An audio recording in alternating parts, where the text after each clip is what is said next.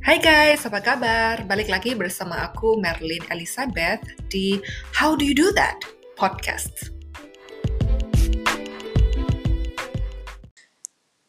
Selamat pagi, siang, sore, malam teman-teman di mana pun kalian berada. Ini jujur hari ini pertama kalinya aku melakukan live streaming lewat YouTube. YouTube channel aku dan mulai dari tadi awal itu sudah ada agak sedikit kendala ya di teknisnya mulai dari masuk live-nya terus broadcast-nya dan lain sebagainya. Ditambah lagi internet aku nih kayak up and down. Jadi mohon maaf apabila ada ketidaknyamanan. Tapi itu tidak menghalangi kami untuk melakukan live streaming hari ini. So, buat teman-teman yang mau lihat muka kita lagi bincang-bincang live sekarang, kamu bisa datang aja langsung ke YouTube channel saya, Merlin Elizabeth in the Netherlands. Dan buat teman-teman juga yang memiliki pertanyaan bisa langsung tulis pertanyaan kalian di kolom komentar. Kita nanti akan bahas selama live. Oke, semoga kalian bisa mendapatkan hal-hal yang bermanfaat, terutama narasumber aku kali ini, Kak Luki. Ini adalah sahabat saya di Belgia yang juga merupakan YouTuber. Jadi buat teman-teman yang penasaran siapa dia, dia ini adalah orang yang sukses, tapi tetap rendah hati dan juga sudah melalui banyak sekali pengalaman dan dia mau berbagi banyak sekali info-info mulai dari gajinya berapa, cara kerjanya gimana, suka dukanya tinggal di Belgia gimana. So, langsung aja deh simak.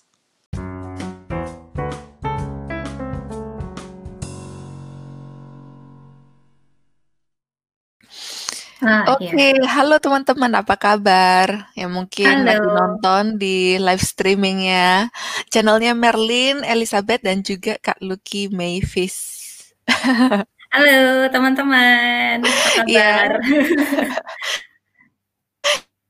Mudah-mudahan kalian semua ngobrol-ngobrol santai ya. ini di hari Iya, kalian semua dalam keadaan sehat walafiat. Dan ini lagi hmm. ngobrol-ngobrol santai sama Kak Luki yang ada di Belgia dan saya Merlin berada di Belanda gitu. Moga-moga bisa hmm. mendapatkan inspirasi, terutama topik hari ini tuh kita membahas mengenai perbedaan dan persamaan antara Belgia dan Belanda, gimana sih uh, pekerjaan di sana, dan beberapa tips-tips yang nanti bakal dibagi langsung dari Kak Luki. Ya, boleh. Sekarang gimana boleh. cuacanya di Belgia, Kak Luki? Uh, cuacanya lagi bagus minggu ini uh, karena kan kalau di Belgia kita jarang-jarang dapat matahari ya. Uh, jadi udah dari seminggu ini cerah terus, bagus. Tapi nanti uh, sekitar Sabtu Minggu itu udah mulai hujan. Jadi uh, oh. makanya kelihatan agak bersinar ya karena itu memang uh, mataharinya lagi masuk biasanya gelap. Oke. Okay. Jadi bawaannya kalau matahari bersinar ikut ceria. Nice, iya. Iya, ya. sama kayak Belanda karena di Belanda ini juga kan deketan sama Belgia, negara tetangga. Ya, mirip-mirip cuacanya. iya. Ya. Apalagi ya. sudah masuk bulan September gini. Iya, udah mulai dingin, udah mulai dingin, udah mulai gray lagi. gitu kan langit-langit. Mm -mm, mm -mm. Mm -mm. Ya, enak okay. kalau buat jalan-jalan. Mantap. Ini Belgianya? Iya, Belgianya di mana kak? Uh, aku Belgianya itu di kalau jadi ada aku di termasuk di kota Flanders. Kota Flanders itu di bawah provinsi uh, Flanders. Jadi kalau di Belgia itu provinsinya nggak banyak ya karena negara kecil. Jadi yeah. Iya. uh, yang terbesar itu provinsi Flanders. Jadi berbahasa Belanda umumnya di sini. Uh, nah, aku tinggal di desanya. Desa itu sekitar 15 menit ke kota tadi. Jadi desa di sini tuh gitu, 15 menit ke kota karena negaranya aja kan kecil ya. iya. Hmm. Oke, nah terus uh, bincang-bincang nih, uh, mungkin Kak Luki bisa perkenalan dulu Kak Luki ini siapa, dari mana di Indonesianya, kok bisa nyasar ke negara Belgia? Ah iya, boleh. Jadi uh, aku tadinya tinggal di di Indonesia.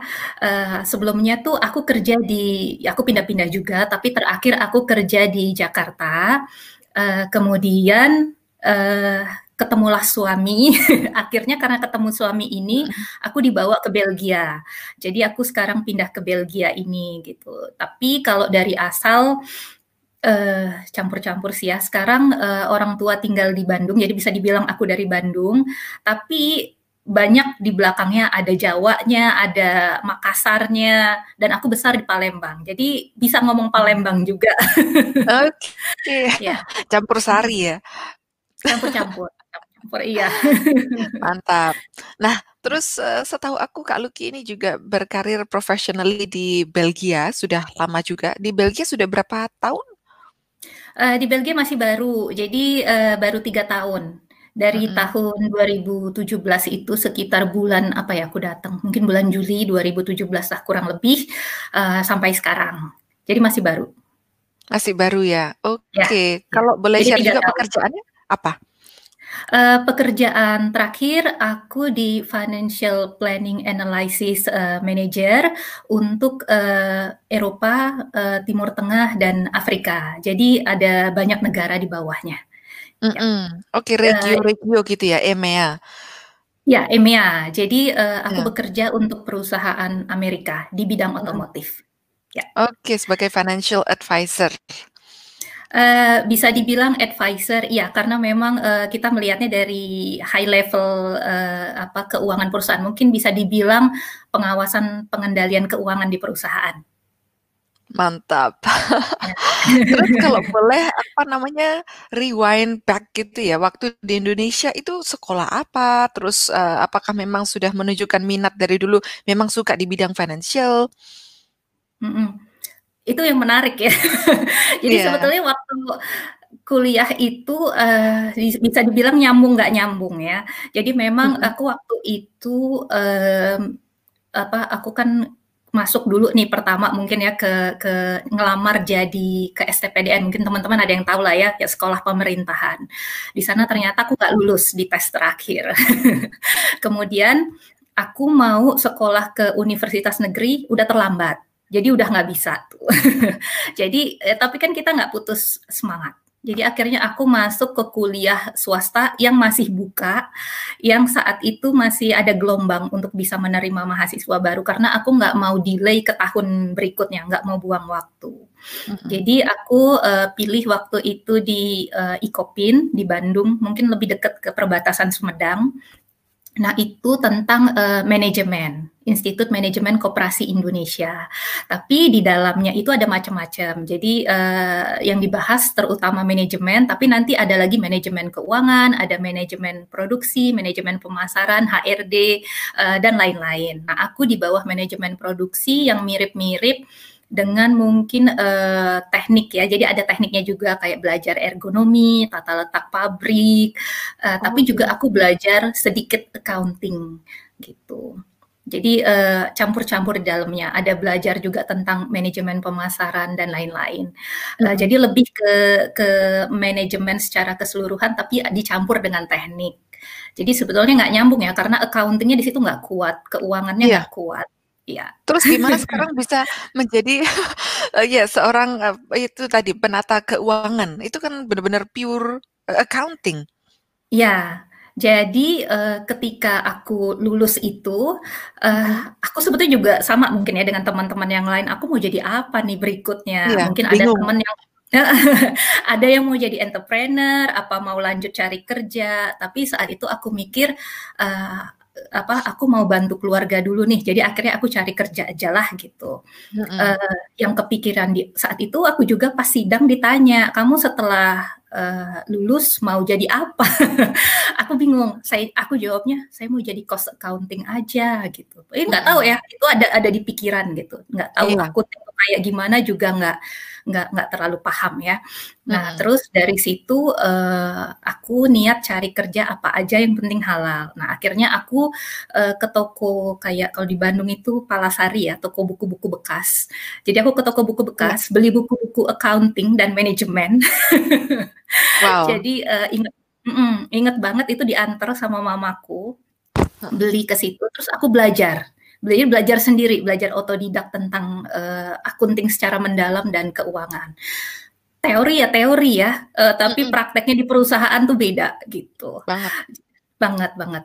Nah, jadi setelah setelah itu uh, masalah kerja nih dan aku gaptek. jadi waktu itu aku belum bisa email, zaman dulu lah ya, belum bisa email, yeah. nggak uh, tahu cari kerja itu gimana. Oke, aku udah belajar tadi dari buku. Aku sekarang mau cari kerja nih. Hmm. Terus uh, aku pergi tuh ke warnet. Aku waktu inget banget minta sama mamaku karena kita belum punya uang ya. minta yeah. sama mamaku, mah, aku mau minta sepuluh ribu. Mau apa? aku mau ke warnet. Mau ngapain? Uh, mau cari-cari kerja deh kataku gitu. Mm-mm. Nah, aku tuh masih bingung ya mau ngapain. Tapi ada satu hal waktu itu yang aku inget banget. Aku lagi nyambi-nyambi MLM, jualan produk. Tiba-tiba aku dengar si salah satu customer ini bilang, anak saya dapat kerja dari internet loh, katanya gitu. Itu zaman tahun berapa itu? Aku tuh 2000, lulus tahun sebelum 2000. 2000-an, 2000. Aku lulus kayaknya tahun 2003, 2004, 2004 hmm. kayaknya. Nah, itu tahun itu deh ya. Jadi masih masih gaptek lah aku saat itu. Mm-hmm. nah, si orang itu bilang, anak saya dapat kerja dari internet karena kan nggak uh, semua orang dapat internet tuh kerja dari internet bener nggak sih gitu ya? Yeah. Kadang takutnya uh, palsu karena zaman aku saat itu kita tuh harus nganterin lamaran, harus ketemu tatap muka gitu kan. Mm -mm. Uh, terus aku bener pak, gimana caranya? Coba aja banyak loh. Dan aku makanya tadi ke warnet itu minta uang sama mamaku sepuluh ribu. Mm -mm. Terus aku minta diajarin sama mas-mas yang di warnet. wow. Jadi aku tanya, Mas, ini aku nggak bisa pakai email. Cara bikin email gimana gitu ya. Terus, uh, Mas, ini aku nggak bisa cari kerja. Terus, oh ya Mbak cari kerja gampang kayak gini-gini. Ketemulah Jobs DB, ketemulah Job Street, iya. ketemulah lagi aku waktu itu website apa lagi gitu ya. Berarti masnya lebih pinter ya waktu itu ya? Masnya lebih pinter, lebih bisa ngajarin gitu. Kalau inget iya. masa-masa itu kayaknya aduh lucu banget, gaptek banget gitu ya. Nah, karena kan kalau mau ngedaftar itu harus bisa email ya. Terus juga uh, kita ngirim CV. Nah, dari situ aku mikir, oh berarti aku harus bikin CV online gitu. Iya. Nah, di situ juga akhirnya ketemu masalah bikin CV itu gimana ya.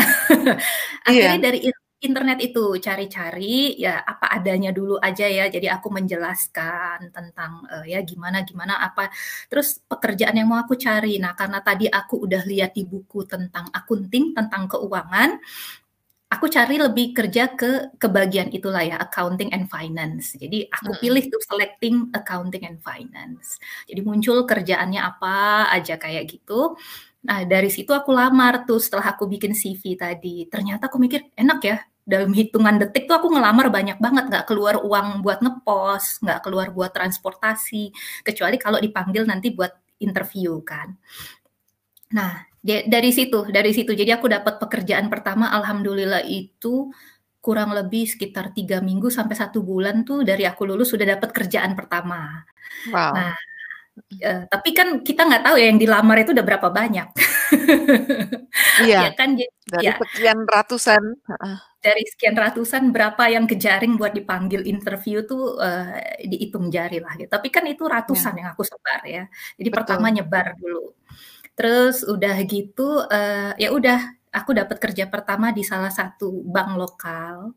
Nah, di bank lokal itulah yang uh, aku belajar tuh masih kalau ya orang Jawa ya bunga bengok gitu, nggak tahu mau ngapain.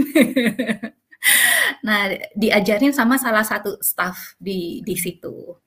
Uh, tapi kan selama kita ada kemauan pasti ada jalan ya. Jadi, uh, aku nggak ngelihat saat itu aku nggak bisa apa-apa, nggak ngerti apa-apa, aku ikutin tuh dia ngajarin kayak gimana gimana, kalau nggak salah dalam waktu berapa bulan, aku naik jabatan langsung. Jadi untuk pegang cabang yang baru.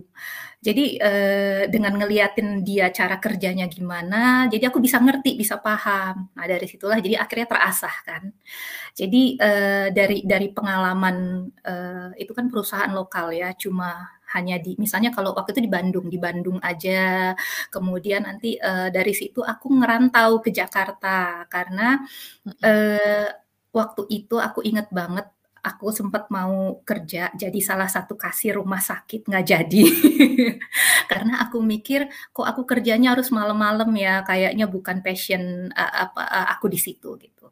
Jadi aku ternyata, eee, ada salah satu keluarga bilang, "Itu temennya, eee, om kamu itu kerja di perusahaan internasional, kenapa kamu nggak coba?" Katanya gitu. Mhm. Nah, kerja di perusahaan internasional itu gimana? Nggak ngerti gitu kan. Akhirnya cari tahu lagi.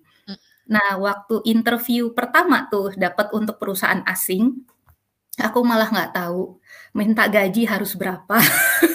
Iya. Aku nanya sama temen di sebelah yang sama-sama kandidat lagi interview, "Kamu gajinya berapa? Boleh nanya nggak? Mau minta berapa?" Karena gaji pertama aku terus terang Rp700.000. Mmm. Saat Oh, di itu tahun tuh berapa itu?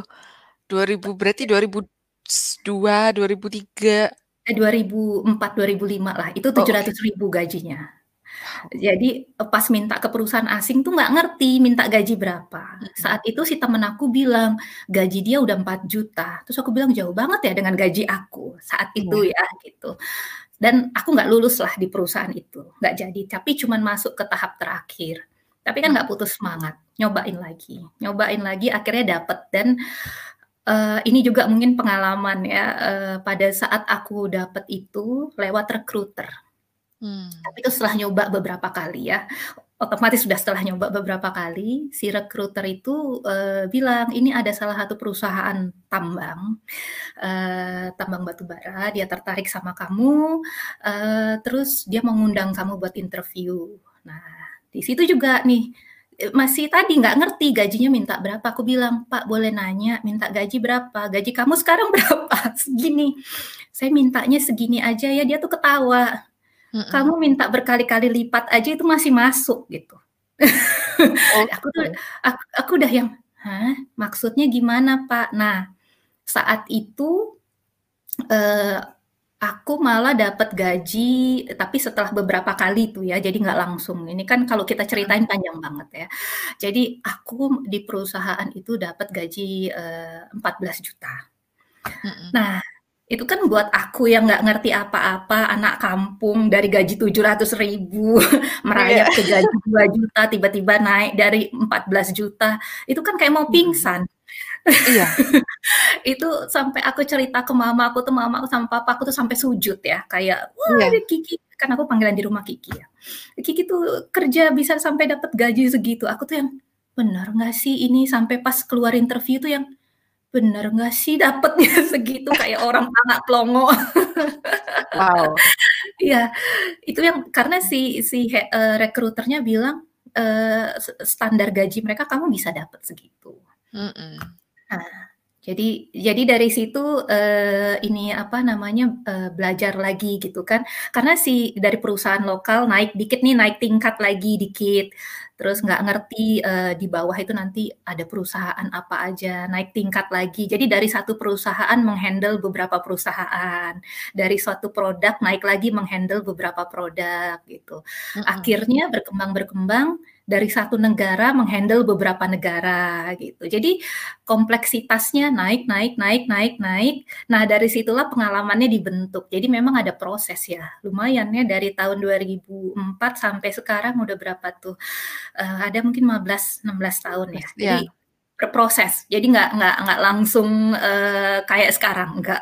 Iya, nggak instan ya. Nggak instan nggak instan.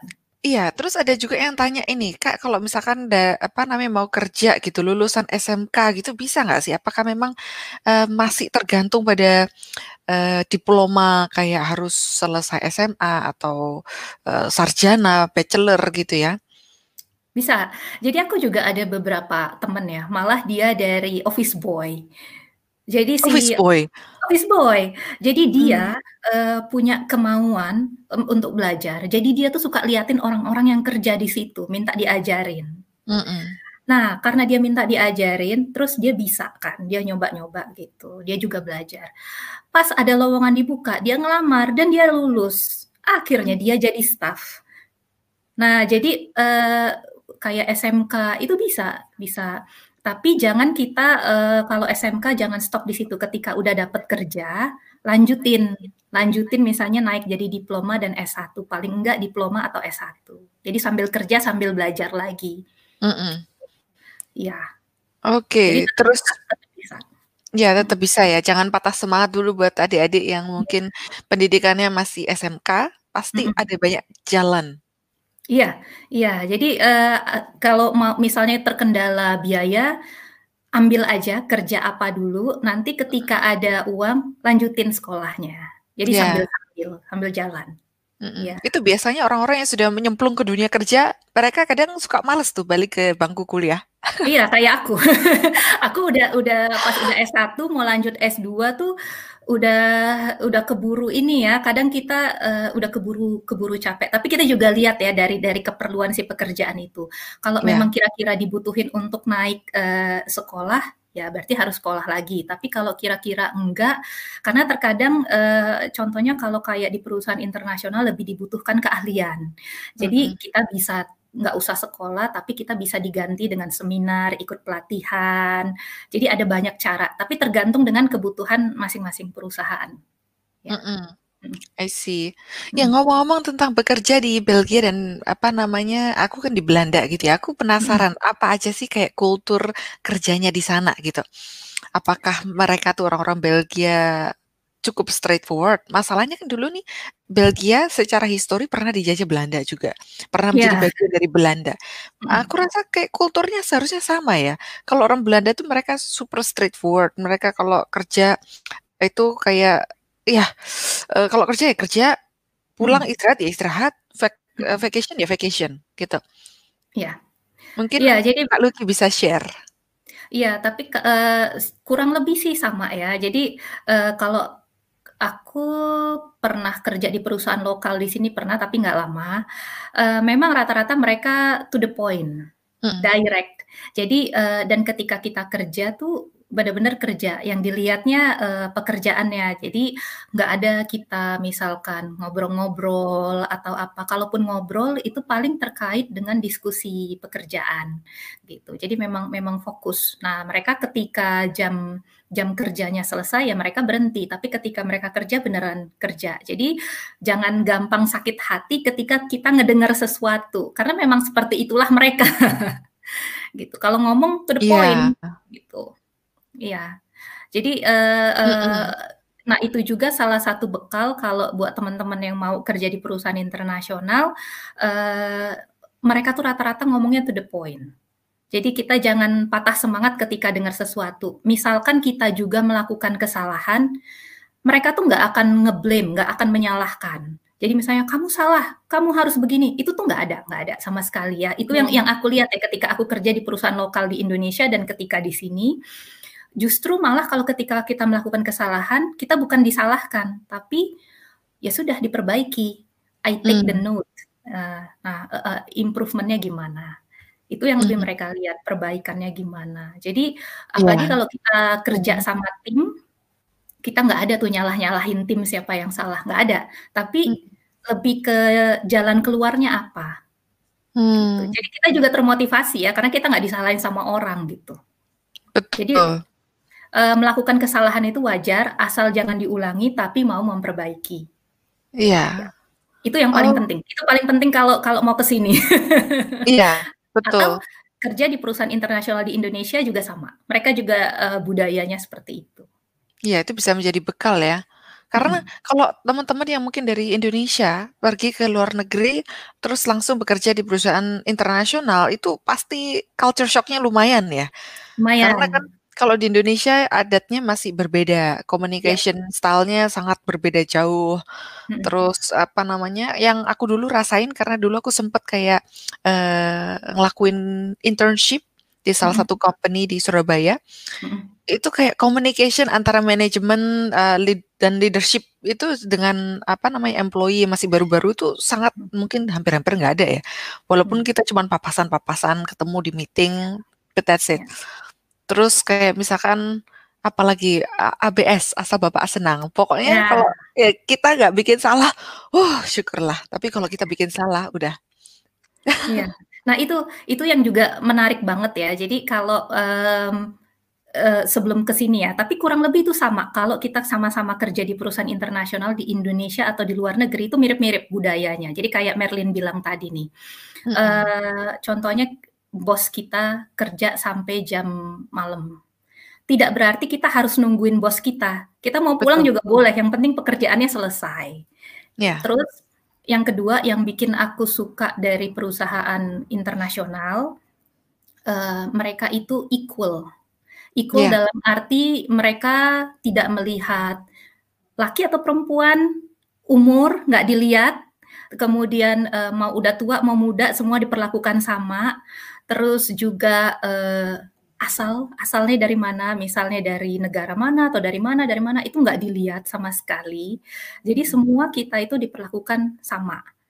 Nah, terus kayak tadi juga aku suka kalau kita salah, kita tuh malah dikembangkan. Jadi uh, potensinya dikembangkan. Gimana caranya kita berkembang? Karena kalau kita berkembang perusahaan maju. Karena kan kita kontribusi kan.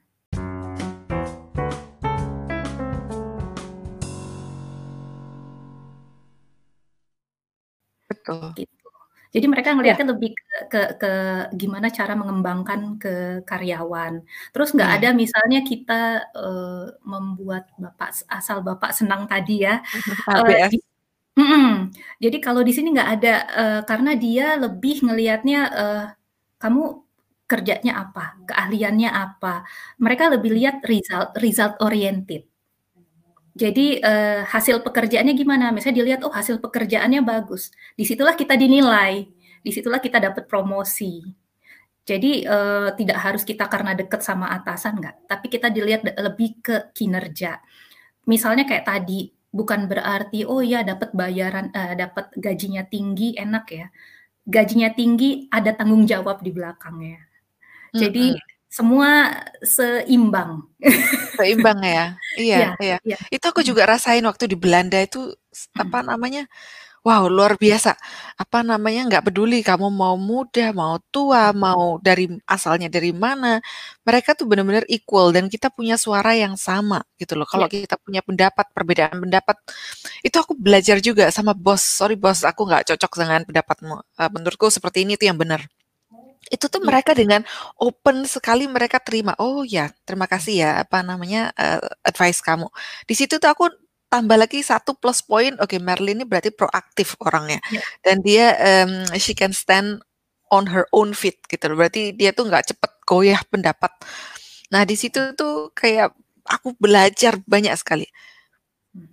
Iya, emang kita harus harus proaktif. Jadi misalnya kayak, eee, kita lihat nih ada ada jadi bener-bener suara, eee, karyawan itu di apa ya, eee, suara suaranya didengar gitu. Karena kan Iya. kemajuan perusahaan dari karyawan juga. Jadi kayak aku nih kayak sekarang, kita tuh, oh, eee, dibagi dalam dalam grup-grup ya. Jadi di dalam grup ini, eee, apa nih yang kira-kira kalian lihat kekurangan dari perusahaan? Apa Iya. yang harus kita kita improve dari dari situ. Jadi nanti itu di di disatuin, eee, pendapatnya dari semua Iya. karyawan itu. Jadi dari situ mereka, eee, si manajemen bikin rencana perbaikan apa aja. Jadi Mhm. memang, mmm, eee, menyenangkan ya, menyenangkan. Nah, aku satu lagi nih yang bikin menarik. Jadi aku pernah dapat pertanyaan. Eee, salah satu teman ketemu aku pas pulang kerja, terus dia lihat, "Lucky kok Lucky, eee, bajunya biasa aja, nggak pakai jas." Nah, Mhm. kerja di perusahaan internasional, itu kita bebas mau pakai kayak gimana, yang penting sopan. Mhm. Jadi kita nggak mesti pakai jas, nggak kayak aku sekarang nih cuman pakai sweater, eee, itu nggak nggak masalah gitu. Terus, eee, mau pakai celana pendek, mau pakai jeans. Jadi kita lebih kayak apa ya, suasananya lebih casual. Iya. Kecuali kecuali kita ada meeting penting yang memang harus, eee, pakai jas. Itu ada ya beberapa meeting, tapi kalau untuk keseharian bisa dibilang lebih lebih santai dalam berpakaian. Karena kan, eee, kecuali misalnya mereka ada yang kerjanya memang di bagian depan ya, misalnya sales atau apa, marketing, jadi memang harus ketemu dengan, eee, customer ya. Tapi kalau kayak pekerjaan aku di belakang meja, kita kesehariannya kayak gini aja, kayak Marilyn Iya. kayak gitu, biasa aja. Jadi Iya. nggak ada yang spesial. Jadi, eee Yang penting sopan. Yang penting sopan. Jadi kita juga ngerasa ketika kita pergi kerja kayak pergi sama aja ya, kayak kayak di rumah, nggak dibatasin, Iya. gitu. Mhm. Oke, Ya. menyinggung juga juga soal tentang pekerjaan, ada ju juga pertanyaan ini titipan. Untuk orang-orang yang mungkin sudah lama menjadi ibu rumah tangga atau sempat vakum karena mungkin ada mungkin keluarga, apa, baru, ada anak, ada mungkin ya sesuatu yang menghalangi mereka untuk kembali lagi ke dunia kerja. Mmm. Gimana, eee, mungkin Kak Luki ada tips nih, a antara gap tersebut mereka mau masuk lagi ke dunia kerja itu kan lumayan, apa namanya, eee, persaingannya lumayan tinggi ya, karena kan anak-anak gelombang baru juga masuk. Eee, Kak Luki sendiri bekerja di, eee, Belgia melihat nggak seperti itu? Terus bagaimana orang-orang, menangani hal tersebut? Iya, itu juga aku ada ada pengalamannya, eee, aku juga pas ketika di Belgia itu kan aku vakum dulu, nggak kerja, karena aku ngurus-ngurus dokumen, Iya. istilahnya, eee, apa, adjustment ya di Belgia, kita beradaptasi gitu. Jadi aku nggak kerja dulu waktu itu, sempet jadi pertanyaan juga, tapi aku nggak nggak begitu lama, tapi nanti aku bagi 2 ya. Yang pertama ketika aku waktu itu vakum sekitar 1 tahun. Jadi jadi pertanyaan, "Kenapa kok kamu nggak nggak langsung ngelanjutin kerja saat itu?" Aku bilang, "Saya lagi kursus, saya lagi, eee, beres-beres dokumen saya, saya lagi adaptasi," dan mereka oke di situ. Itu nggak jadi masalah kalau cuma setahun sampai 3 tahun ya, atau Mhm. misalnya punya anak, nah itu nggak jadi masalah. Nah, ketika aku ada juga temen yang eee, kira-kira mungkin sudah 10 tahun nggak kerja, 15 tahun udah nggak kerja gitu Udah kan. nggak up to date. Udah nggak up to date lagi. Heeh. Ya, memang, eee eee, ada plus minusnya juga gitu ya. Jadi ketika kita sudah tahu kita gap-nya terlalu besar, mungkin, eee, kita bisa ikut tadi, kursus dulu, karena supaya up to date dulu. Jadi ketika kita ditanya, ketika kita ngelamar kerja, "Tapi saya udah ikut kursus ini untuk memperbarui pengetahuan saya," gitu. Nah, jadi kan si perusahaan, "Oh iya, betul juga ya," gitu. Dan saya nggak bekerja karena saat itu saya sibuk misalnya, eee, berumah tangga, ngurus anak, atau misalnya ikut suami pindah-pindah kota. Mhm. Nah, jadi perusahaan kan sebetulnya yang dipertanyakan, eee, dia masih bisa nggak bekerja gitu, atau dia udah lupa sama sekali. Tapi Mhm. memang juga kita, eee, misalkan dulu dia kerjanya jadi apa gitu ya, jangan kita berharap untuk dapat pekerjaan yang sama, paling enggak kita turun dulu, nanti naik Iya. lagi. Turun dulu, naik lagi, jadi bilang aja saya mau belajar, karena kan saya udah 10 tahun, eee, ketinggalan misalnya ya. Jadi saya Betul. mau memulai lagi dari awal. Nah, misalnya ada anak-anak baru gitu, oke anak-anak baru kan ditanya mungkin kelebihannya, anak-anak baru mungkin mereka lebih fresh. Tapi Mhm. saya dari sisi umur saya, saya punya kelebihan, pertama saya punya pengalaman, yang kedua juga, eee, dari ada soft skill yang udah dibentuk selama periode saya kerja sampai sekarang, yang itu yang tidak dimiliki oleh anak-anak yang baru. Iya. Gitu. Jadi jadi Exactly. jadi harus dia dia harus, eee, nutupin lobang-lobang tadi tadi dengan seminar atau kursus, paling enggak ada yang ditunjukin. Mhm mhm. Gitu, jangan sampai kosong banget gitu. Iya, Mhm. Menarik sekali ini karena ada banyak sekali komplain atau mungkin keluhan ya dari teman-teman aku juga yang di Belanda, mereka sudah vakum terlalu lama 5, 10 tahun, 15 tahun, mau balik ke dunia kerja mereka tuh kayak either gengsi atau mungkin juga nggak tahu harus mulai dari mana, ada juga perasaan malu, Iya. campur aduk gitu apalagi kan harus turun tingkat kan, apa namanya, salary-nya harus turun drastis Iya. dibanding dulu. Aku juga, apa namanya, menyarankan ya sekarang kalau mau balik ke dunia kerja, salah satu Mmm. caranya ya kamu harus bisa adjust gitu. Ya, fleksibel, mereka harus Fleksibel. fleksibel. Mhm, Iya, harus mengikuti perubahan. Iya. Nggak papa walaupun harus jeblok dulu, tapi nanti kan mulai meningkat meningkat meningkat gitu. Itu itu Iya dan juga yang aku alami di Belgia loh. Jadi ketika aku mulai kerja itu aku turun lagi kan, aku turun Ya. dari 0 lagi. Jadi aku nggak langsung kayak sekarang, aku turun dulu ke 0. Iya, Nah sama. mhm, jadi, eee, ketika aku kerja itu malah aku ditanya kan, eee, "Kamu kok ngelamar kerjaan ini, padahal waktu kamu di Indonesia kamu sudah pernah bekerja itu," gitu kan. Betul. Terus aku halo Merlin, suaranya kedengeran? Kedengeran? Ah, ya sorry takutnya putus-putus itu. Oh, Nah, iya. jadi heeh, jadi ketika aku ditanya itu, eee, apa namanya, aku kerja di Indonesia kan mulai lagi ya dari eh, sorry di Belgia mulai lagi dari 0. Jadi mereka Mhm. bilang, "Kenapa nih kamu mau ngelaja mengla ngelamar pekerjaan staf, sementara kamu ketika di Indonesia sudah sampai ke posisi tersebut?" Aku Mhm. bilang, "Karena saya baru di Belgia, saya mau belajar. Jadi saya nggak ada masalah, "Kamu nggak masalah gajinya turun, nggak masalah," aku bilangin, eee, karena saya mau belajar dan itu sesuai dengan gaji yang saya dapetin. Iya. Dan ya, tapi waktu itu aku juga dapat banyak penolakan karena dianggapnya overkualifikasi. Oh, ya. Itu juga salah satunya ya. Jadi aku berusaha meyakinkan mereka tuh beneran gimana bahwa aku tuh tidak cepat bosan dengan pekerjaan aku meskipun aku Mhm. overkualifikasi dan Belgia dengan Indonesia itu kan budaya kerjanya beda, otomatis banyak yang harus aku adjust. Mhm. Nah, itu memang kita harus bisa meyakinkan perusahaan ya. Ini aku dapat salah satu tips dari jadi ketika aku nggak lulus itu aku selalu minta tips dari HRD-HRD tersebut. Mereka ngasih Iya. tips loh buat aku. Jadi Mhm. dia bilang salah satunya nih, ini khususnya buat teman-teman ya, apa orang Asia juga. Tidak banyak orang Asia yang open minded dan terbuka. Iya. Nah, ketika mereka lihat di aku, mereka bilang, "Kamu udah punya modal, kamu udah open minded, kamu udah terbuka, kamu udah punya confident, tinggal Mhm. diasah." Nah, dari situ tuh yang itu yang harus kita tumbuhin dulu. Jadi karena kan ketika kita wawancara orang tuh ngelihat seberapa kita confident. Iya, Jadi betul. dibentuk dulu. Buat kita jadi confident kan kita harus tahu kira-kira kita apa nih yang kita punya untuk kita jual ya sama aja lah kayak kalian mau jual barang, Iya. yakinin produknya, kualitasnya. Jadi kan itu juga ya. Sama Iya. kayak orang marketing. Tapi kan kita Betul. istilahnya menjual diri, menjual diri dalam arti ke perusahaan. Betul, yang positif. Positif, yang positif. Jadi memang kalau kita mau kayak kalian mau jual rumah, rumahnya kan direnovasi dulu, diperbaiki dulu, sampai Iya. kita ya, "Wah enak nih ada yang mau datang pembeli kita udah kita bersihin," kan kita confident. Iya. Betul, betul. Jadi aku mulai dari bawah, nah setelah dari itu, baru naik tuh, setelah dapat pengalaman itu aku naik lagi. Nah jadi, eee, jangan takut buat turun dulu ke bawah, nanti kan kita bisa naik lagi. Iya. Jangan gengsi jangan gengsi. Jangan gengsi, betul sekali. Terus bicara mengenai, apa namanya, bekerja di Belgia, sempat nggak Kak Luki mengalami yang namanya kayak rasisme atau mungkin, apa namanya, rasisme yang terselubung kali ya? Yang yang nggak ketahuan tapi kayak rasanya kayak menohok sekali, "Aduh apaan sih ini kok narjetnya kok ke saya?" Gitu. Mmm, kalau bisa dibilang karena mungkin nggak tahu tadi ya, karena aku kebetulan kerjanya di perusahaan internasional, jadi otomatis aku nggak ngelihat itu sama sekali. Jadi malah ada yang lucu nih, kan rambutnya hitam ya, jadi ada salah satu, eee, tiba-tiba teman kerja menghampiri, "Kamu pasti Luki?" Terus aku bilang, "Kok bisa tahu?"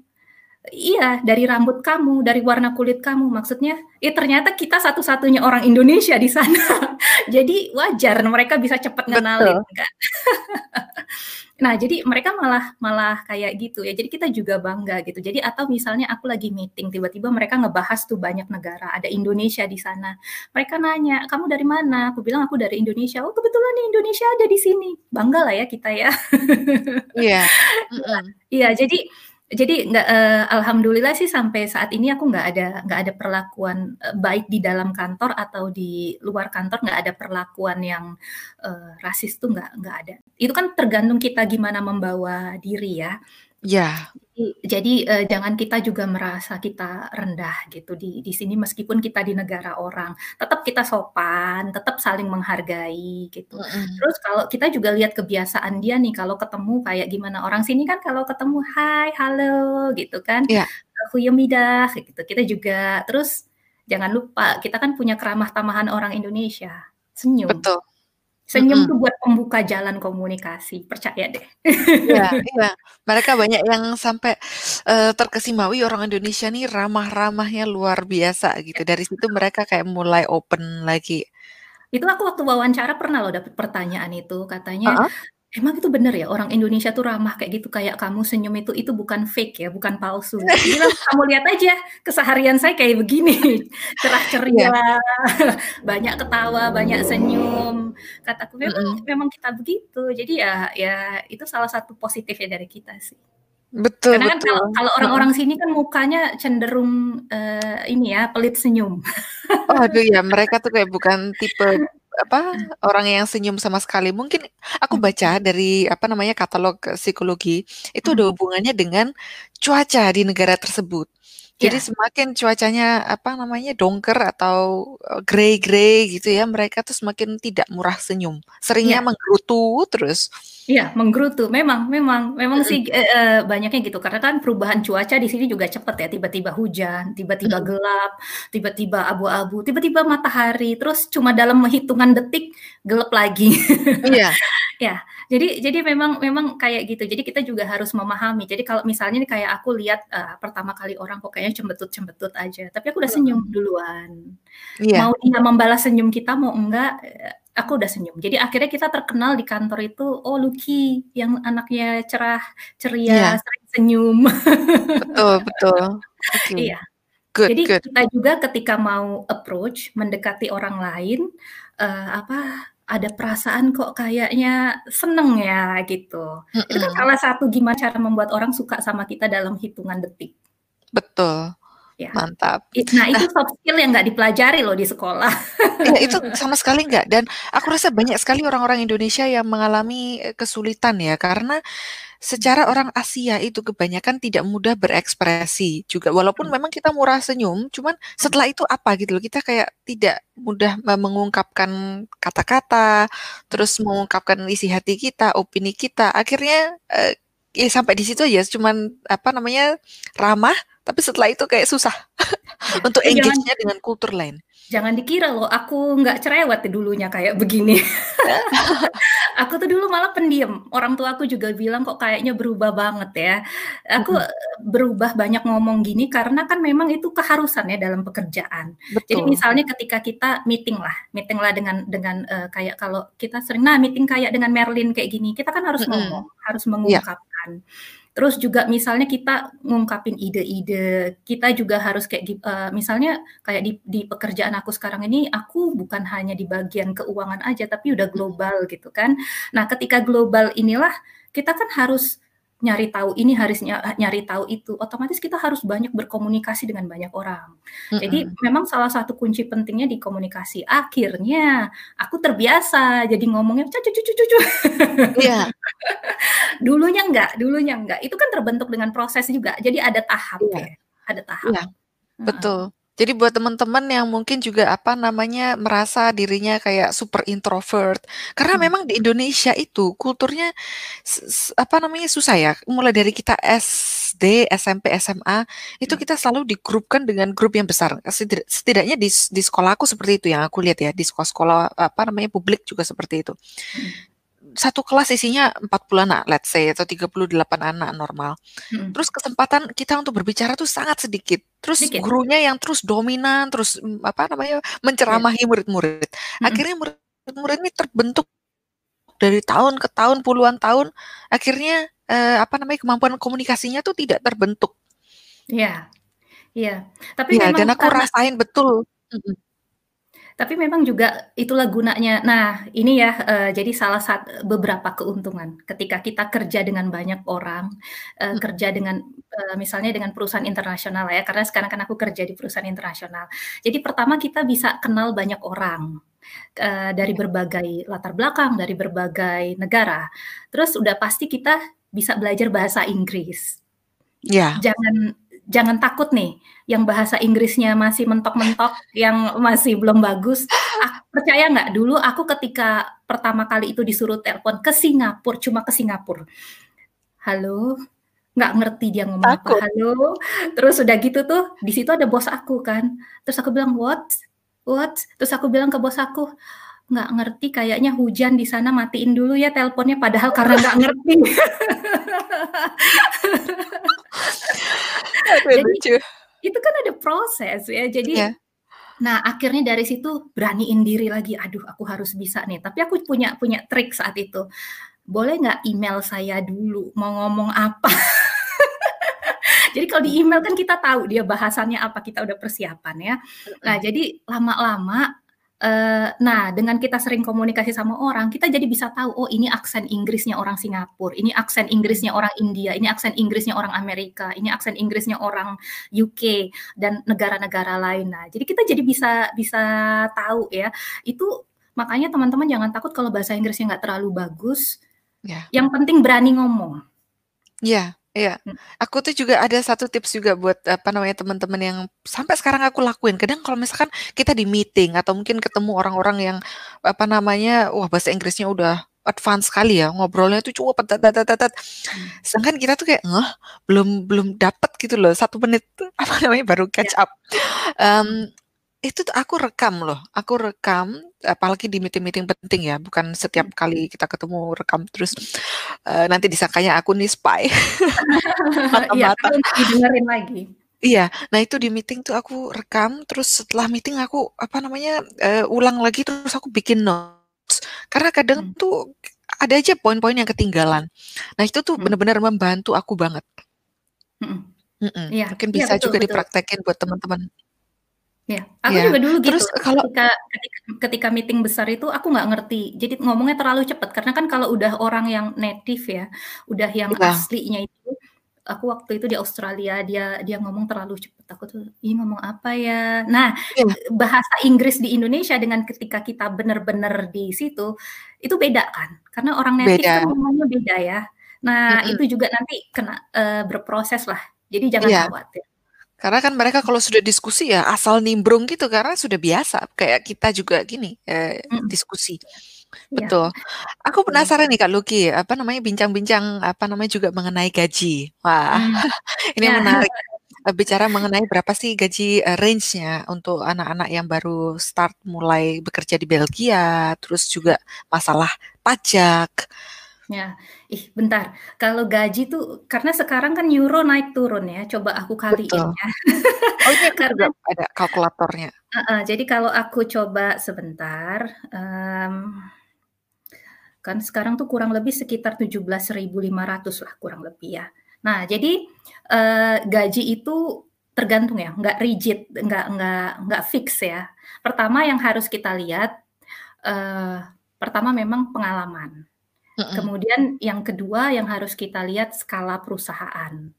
Betul. Eee, jadi perusa eee, misalkan misalkan kalian sama-sama staf lah di sana, staf akunting dengan di satu perusahaan ini dengan di perusahaan yang tersebut. Itu gaji bisa berbeda, karena tanggung jawabnya beda dan Mhm. standar perusahaan juga beda.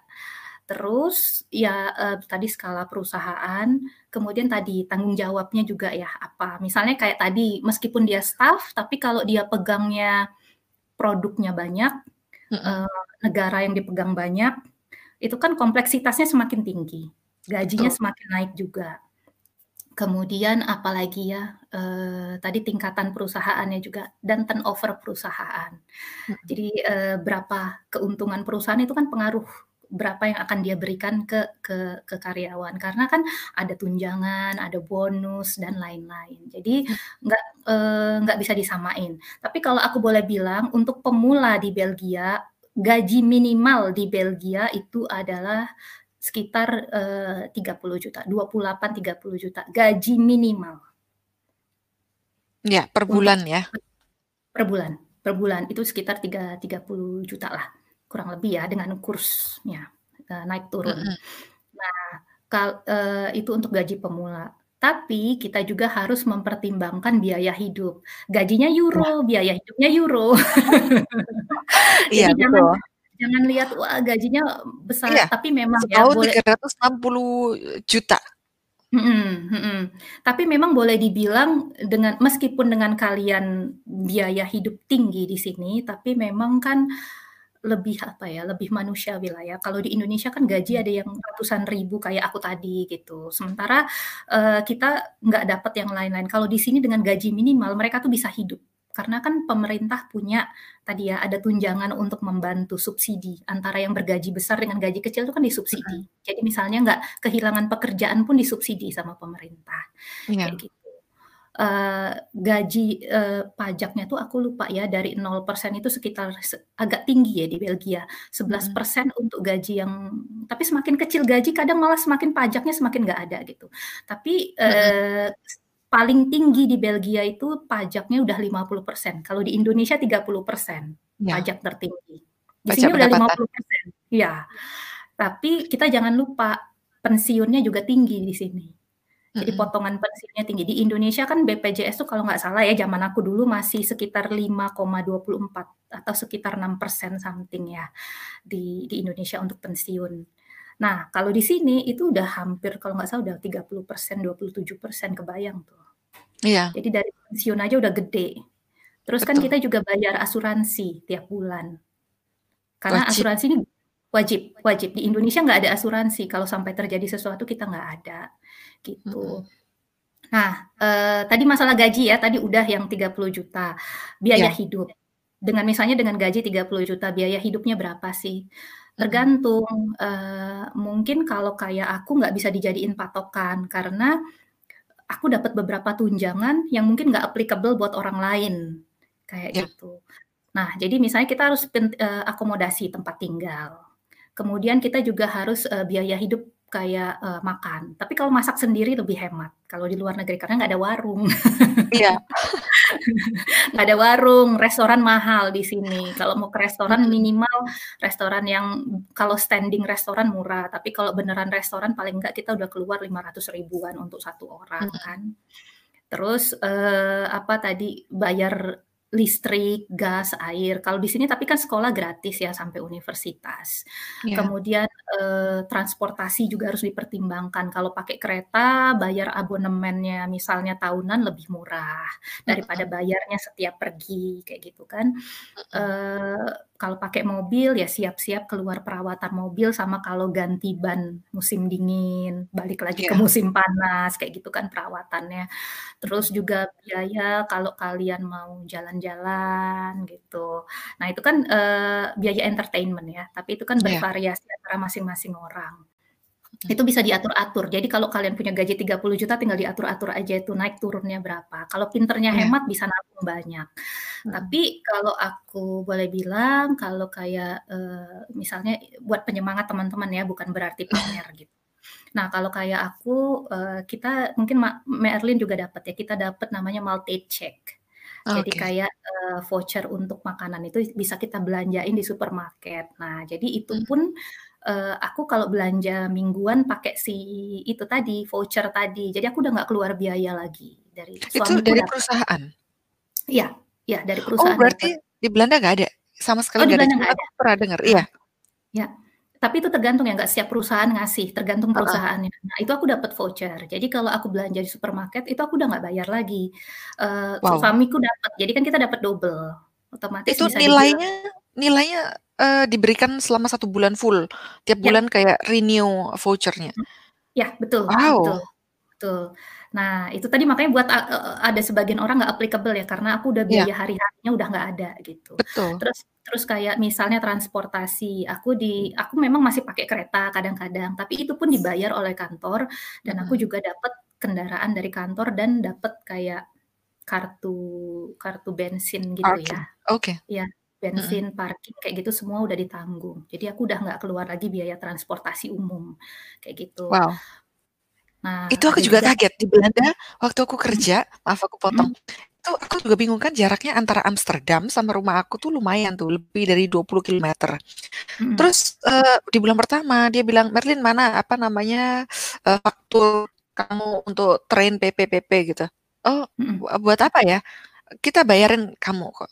"Hah?" Mhm. Gitu, "Beneran?" Gitu. Iya. "Iya, beneran." Langsung masukin ke payslip, eee, bulan itu Mhm. dan bulan-bulan berikutnya, apa namanya, biaya transportasi itu ditanggung oleh kantor dan itu semua Iya. employee itu dapat seperti itu. Jadi intinya aku hemat hemat Hmm. masalah transportasi. Iya. Mhm. Iya, itu makanya kan, eee, kita ditanggung. Jadi kalau kalau, eee, jadi transportasi udah udah nggak jadi masalah gitu ya. Mhm. Nah, terus, eee, apalagi ya tergantung nanti ada tunjangan lagi dari kantor, misalnya tunjangan jabatan atau, eee, dapat bonus apa-apa. Nah, itu kan bisa jadi, Mhm. eee, meskipun tadi aku bilang ya gaji itu bisa luas bisa luas karena di dalamnya nanti ada berbagai macam, eee, parameternya gitu ya, apa aja yang termasuk ke dalam gaji tadi gitu. Ya, Iya. tapi tapi kalau buat buat, eee, posisi aku sekarang memang ya alhamdulillah ya bukan bukan, eee, ini juga Nyombong, gitu. heeh. Ya, tapi kan karena tadi dilihat kompleksitasnya, karena Iya. aku kasih gambaran dikit. Jadi si pekerjaan aku itu, di bawah aku itu ada banyak ratusan negara. Mhm. Kemudian ada ratusan produk, mungkin ribuan produk. Uh, kemudian juga aku bekerja dekat dengan tim manajemen perusahaan. Kemudian, apa, dengan segala macam, uh, konsekuensi ya, dengan misalnya kita dikasih handphone lah sama kantor, oh ya tadi kita dapat tunjangan handphone juga. Mhm. Itu bukan berarti kita dapat handphone bisa enak-enak, berarti kan kita bisa dihubungin kapan aja. Iya, ada plus minus ya. Kayak kayak tadi kita mau telepon, eh sebetulnya kita mau uh, uh, online ini kan jam 11 ya, tiba-tiba aku dapat telepon. Jadi aku bilang sama Merlin ditunda dulu. Nah, kayak gitu deh. Jadi uh, ada tanggung jawab di belakangnya. Jadi dengan segala kompleksitas itu Mhm. udah udah dapat banyak. Jadi kalau untuk range uh, gaji aku itu udah di atas uh, 2 miliar sampai 5 miliar. Mantap, berarti kena yang 50% pajak. Kena 50%. Rasanya gimana Kak Luki? Rasanya ya? Rasanya begini.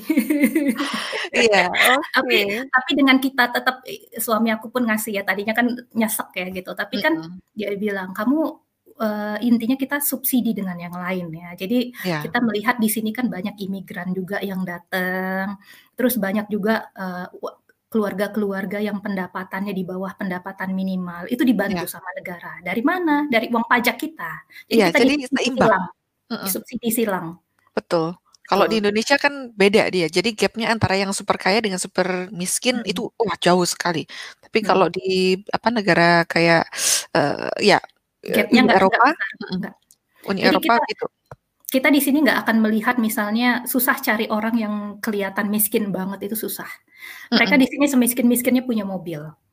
Iya. Karena dibantu sama negara. Punya rumah.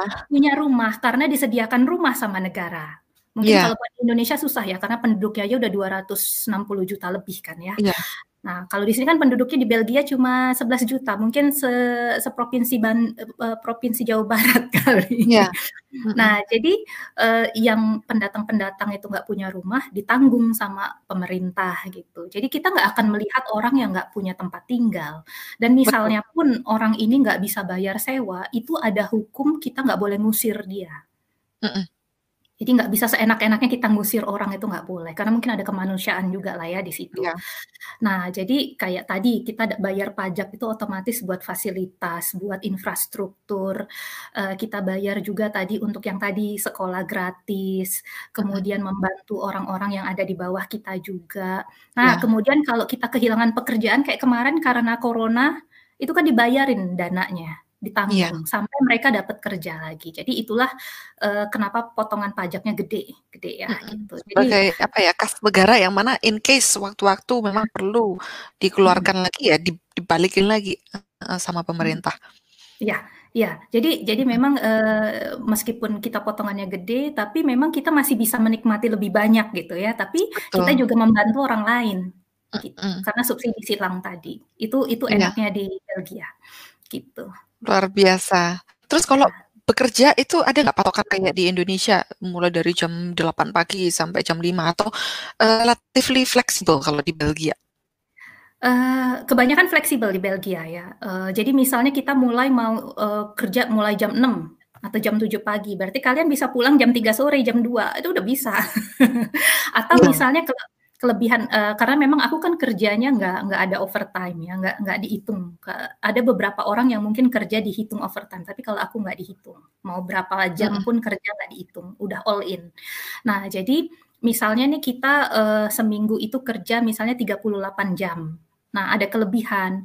Kelebihan itu bisa dialokasikan ke hari lain atau bisa ditukar dengan liburan. Ya, jadi misalnya kita ada berapa jam lebih nih di bulan tersebut, kita tukar dengan liburan 1 hari, Iya. gitu. Dan Wah. enaknya juga kalau di Belgia, kalau kita punya hari libur itu kita kejar-kejar, "Kapan mau liburan kapan mau liburan?" Kalau aku dulu kerja di Indonesia tuh mau liburan susah banget. Takut ya, Kalau mau di ngambil tuh kayak, "Aduh masih belum ini," gitu. Kalau di sini ketika kita punya jadwal, eee, ini suamiku, eee, karena dia juga dari rumah, kerja dari rumah.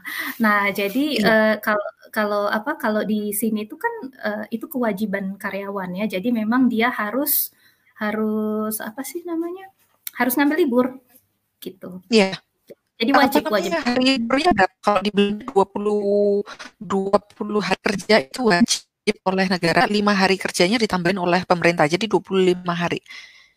Ya ya sama, kurang lebih segitu. Sama, Tapi oke. itu tadi, nanti akan ada tambahan-tambahan lagi, tadi kayak aku bilang, misalnya kita Ya. ternyata di bulan ini dapat bonus lagi liburan, terus kita Mhm. ada aku lupa ya ada apa lagi kayak gitu, terus ada ada beberapa hari tambahan ya, bisa leb sebulan lebih lah dalam 1 Iya. tahun. Kalau di Indonesia kan cuma 12 hari. Betul, iya. Ya. Tapi liburan nasionalnya di sana banyak sekali. Oh ya, ba di sini, tapi kalau dibandingin sama Indonesia dikit lah. Di Indonesia liburan nasional di sana lebih banyak dibanding di Eropa. Kalau Eropa, eee, apa Mhm. namanya, paling karena negara ini ya, mmm, Katolik, jadi liburannya kebanyakan kayak Katolik Kristen gitu, Paskah, Iya terus iya. Natal, eee, Mhm. liburan Koning, apa namanya, raja dan ratu kalau Iya. mes ulang tahun, tau Iya. tahun baru, udah itu aja sih. Iya memang, Pingsteren kayak gitu-gitu ya. Pingsteren, Jadi iya. heeh, jadi memang liburannya nggak terlalu banyak kayak di Indonesia. Kalau di makanya beruntung di Indonesia kan kita ada 5 lebih ya, 5 agama lebih gitu. Jadi kan Betul. otomatis setiap agama punya liburan ya, punya hari-hari nasional. Kalau di sini kan agamanya terbatas, jadi ya ya liburannya nggak banyak.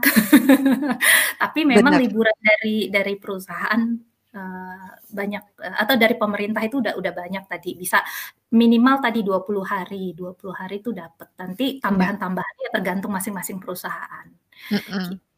Aku Jadi memang ada banget ada ada balance. Dan Betul. liburan juga kita dibayar. Iya, Ya, betul. liburan It dibayar. Jadi kalau mau liburan duitnya keluar. Iya, itu aku suka banget, apa namanya, masalah yang kerja fleksibel. Di Belanda juga sama, apalagi perusahaan-perusahaan yang sudah modern ya, internasional, model startup. Mereka tuh kamu mau mulai jam 6 pagi, mau pulang jam berapa, jam 2 siang boleh. Kamu mau Mhm. kerja hari ini, eee, setiap hari lebih dari 8 jam juga nggak apa-apa. Mhm. Nanti Jumat kamu ambil off juga bisa.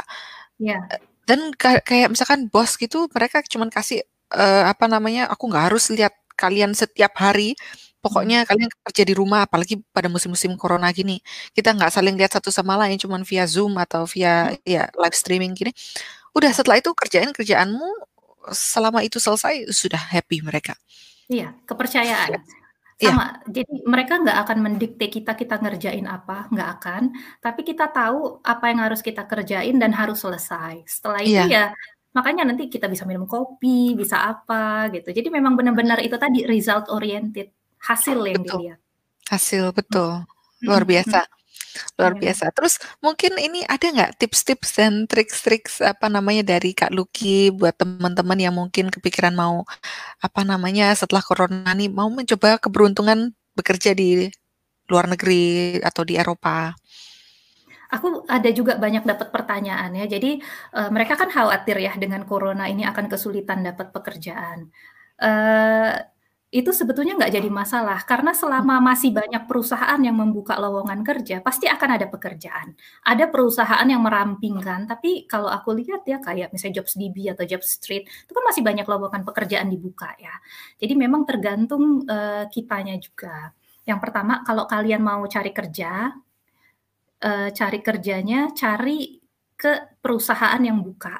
Ya iyalah ya kalau kayak kita mau mancing ikan, mancingnya di kolam, jangan Iya. mancingnya di atau bisa mancing di pasar juga dapat gitu ya, tapi jangan pergi mancingnya ke gunung kan, susah dapatnya gitu. Iya. Jadi maksudnya lamar di tempat yang memang buka. Jadi, eee, pertama kita bisa misalnya kalau kalian tahu perusahaannya, kalian bisa kan zaman sekarang si perusahaan itu udah punya website.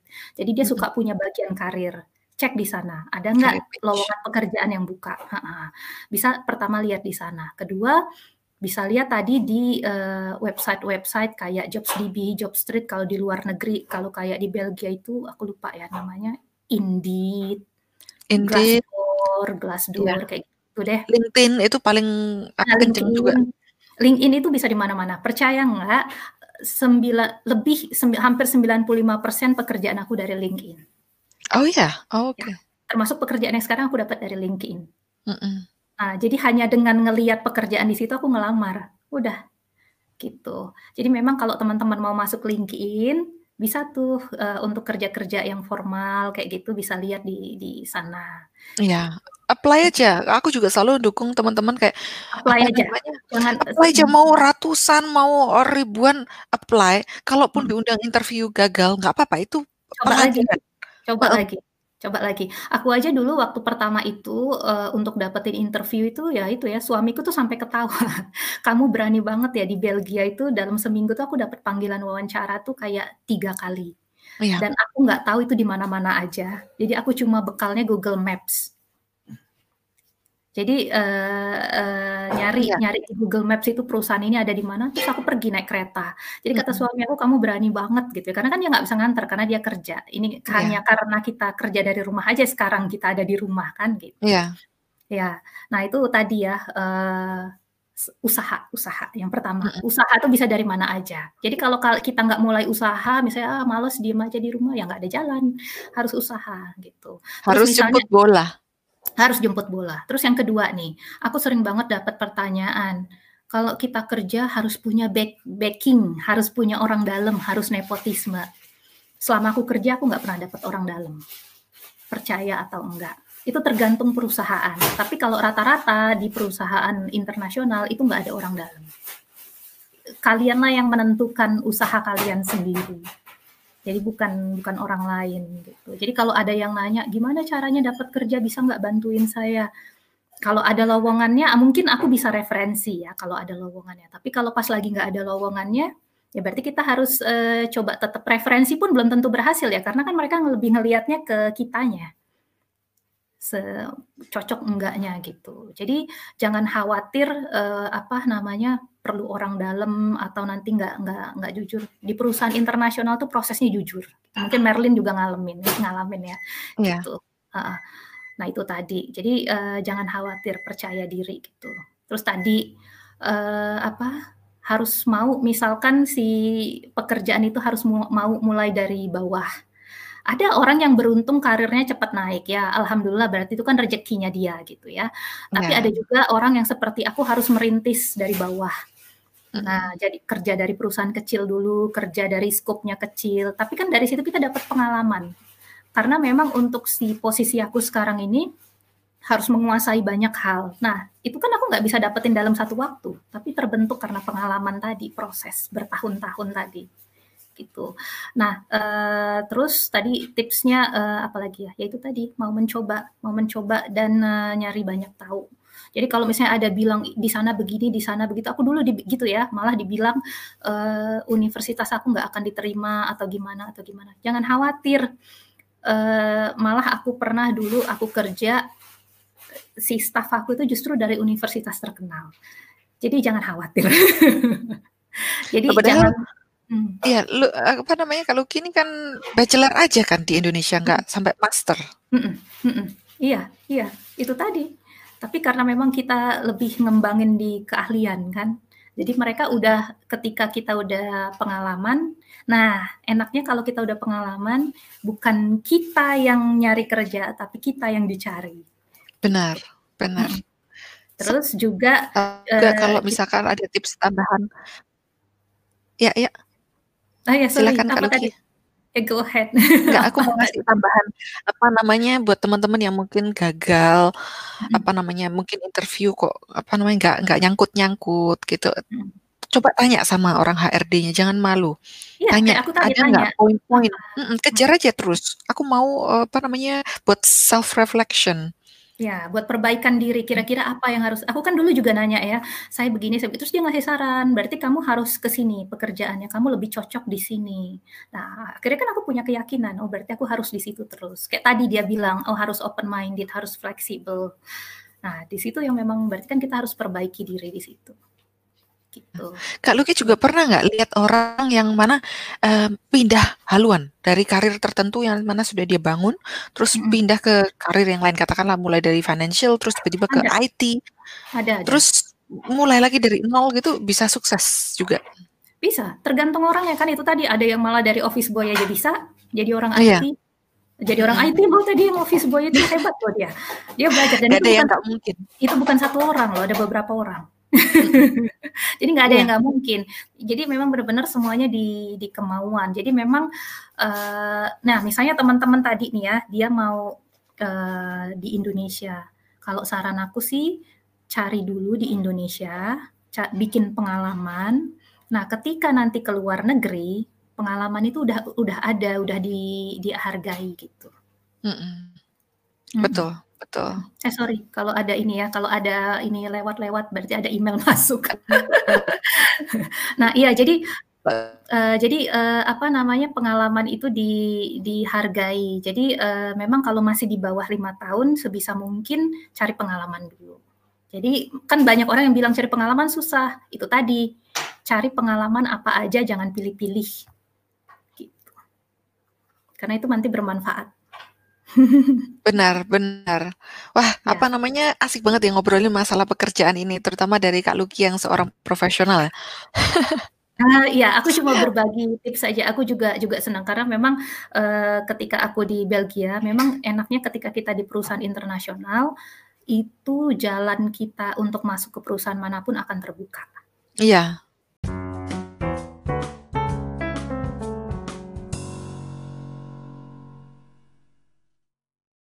Lebih Karena memang ya ya, karena memang pola pikir kita udah udah beda, terus pola kerjanya juga sudah beda, apa istilahnya, eee, endurance-nya udah beda.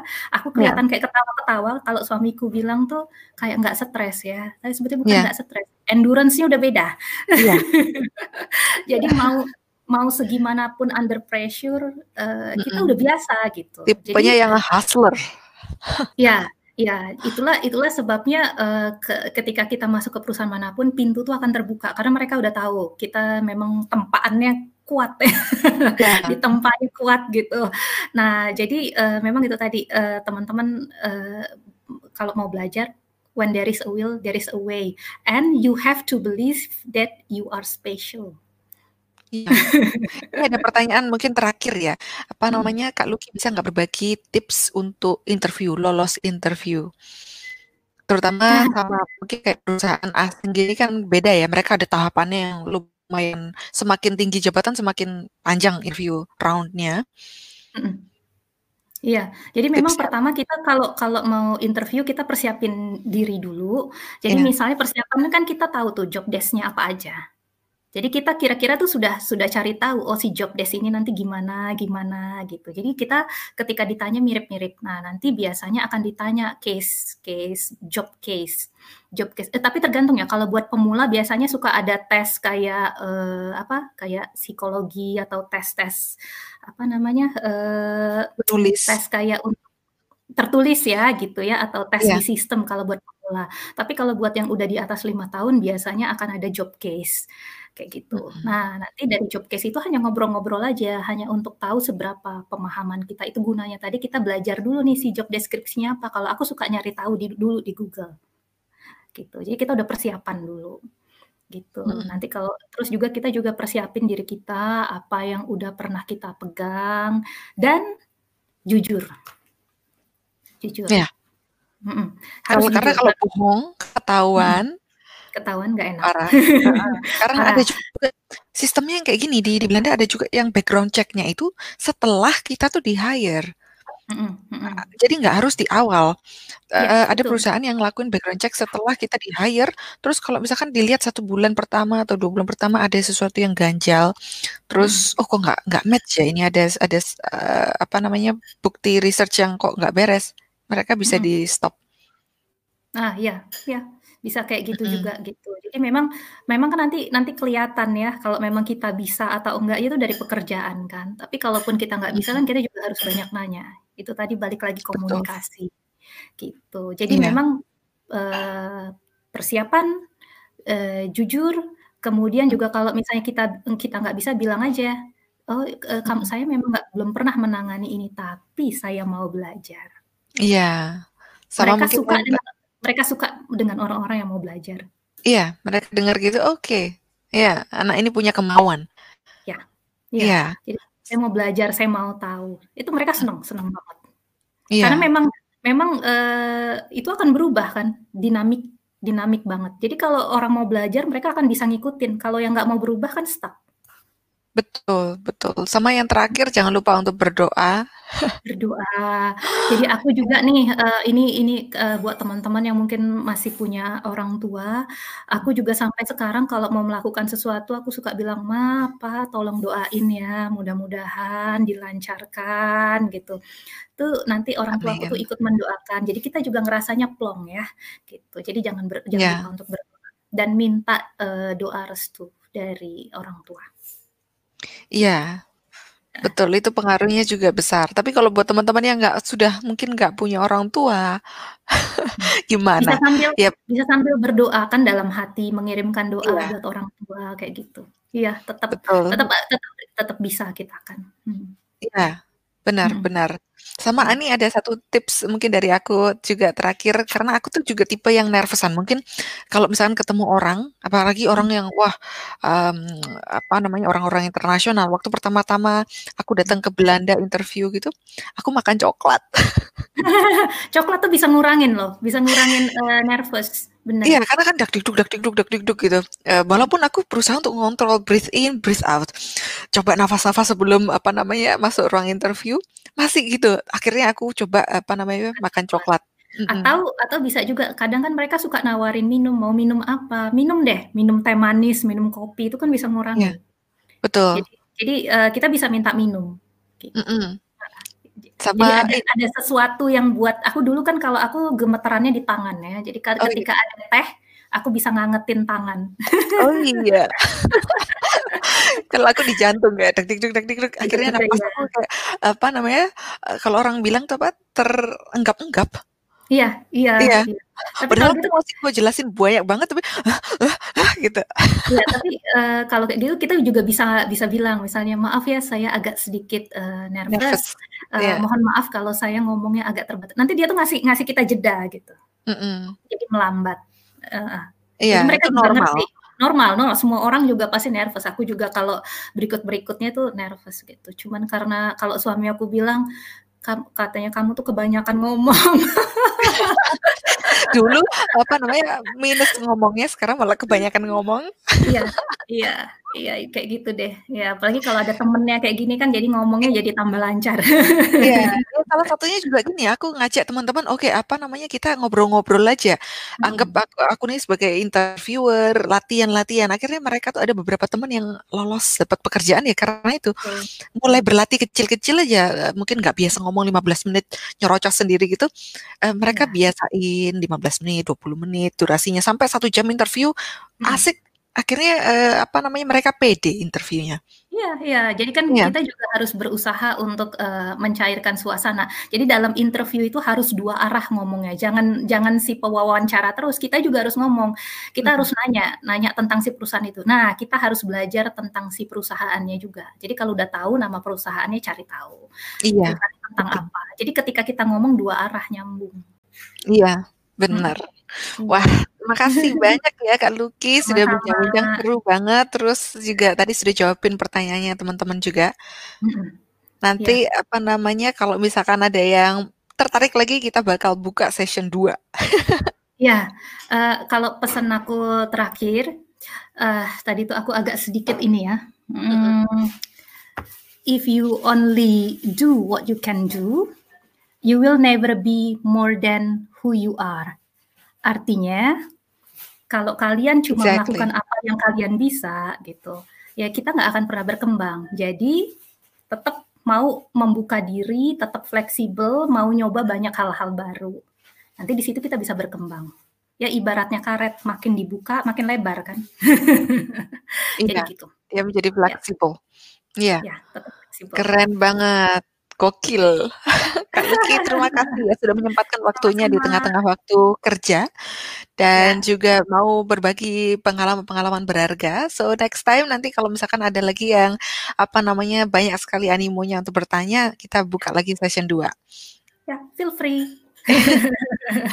Kita juga senang berbagi kita senang berbagi tips, eee, mudah-mudahan buat teman-teman di sana juga bisa maju, bisa termotivasi. Iya. Oke, buat teman-teman nanti yang mau langsung tanya sama Kak Luki bisa ke channel-nya dia, Kak Luki Mavis di Ya. Belgia. Nanti aku cantumin di kolom deskripsi. Oke, Gitu. terima kasih. Iya, terima kasih waktunya. Yuk, Ya. sampai jumpa. Dah, sampai jumpa.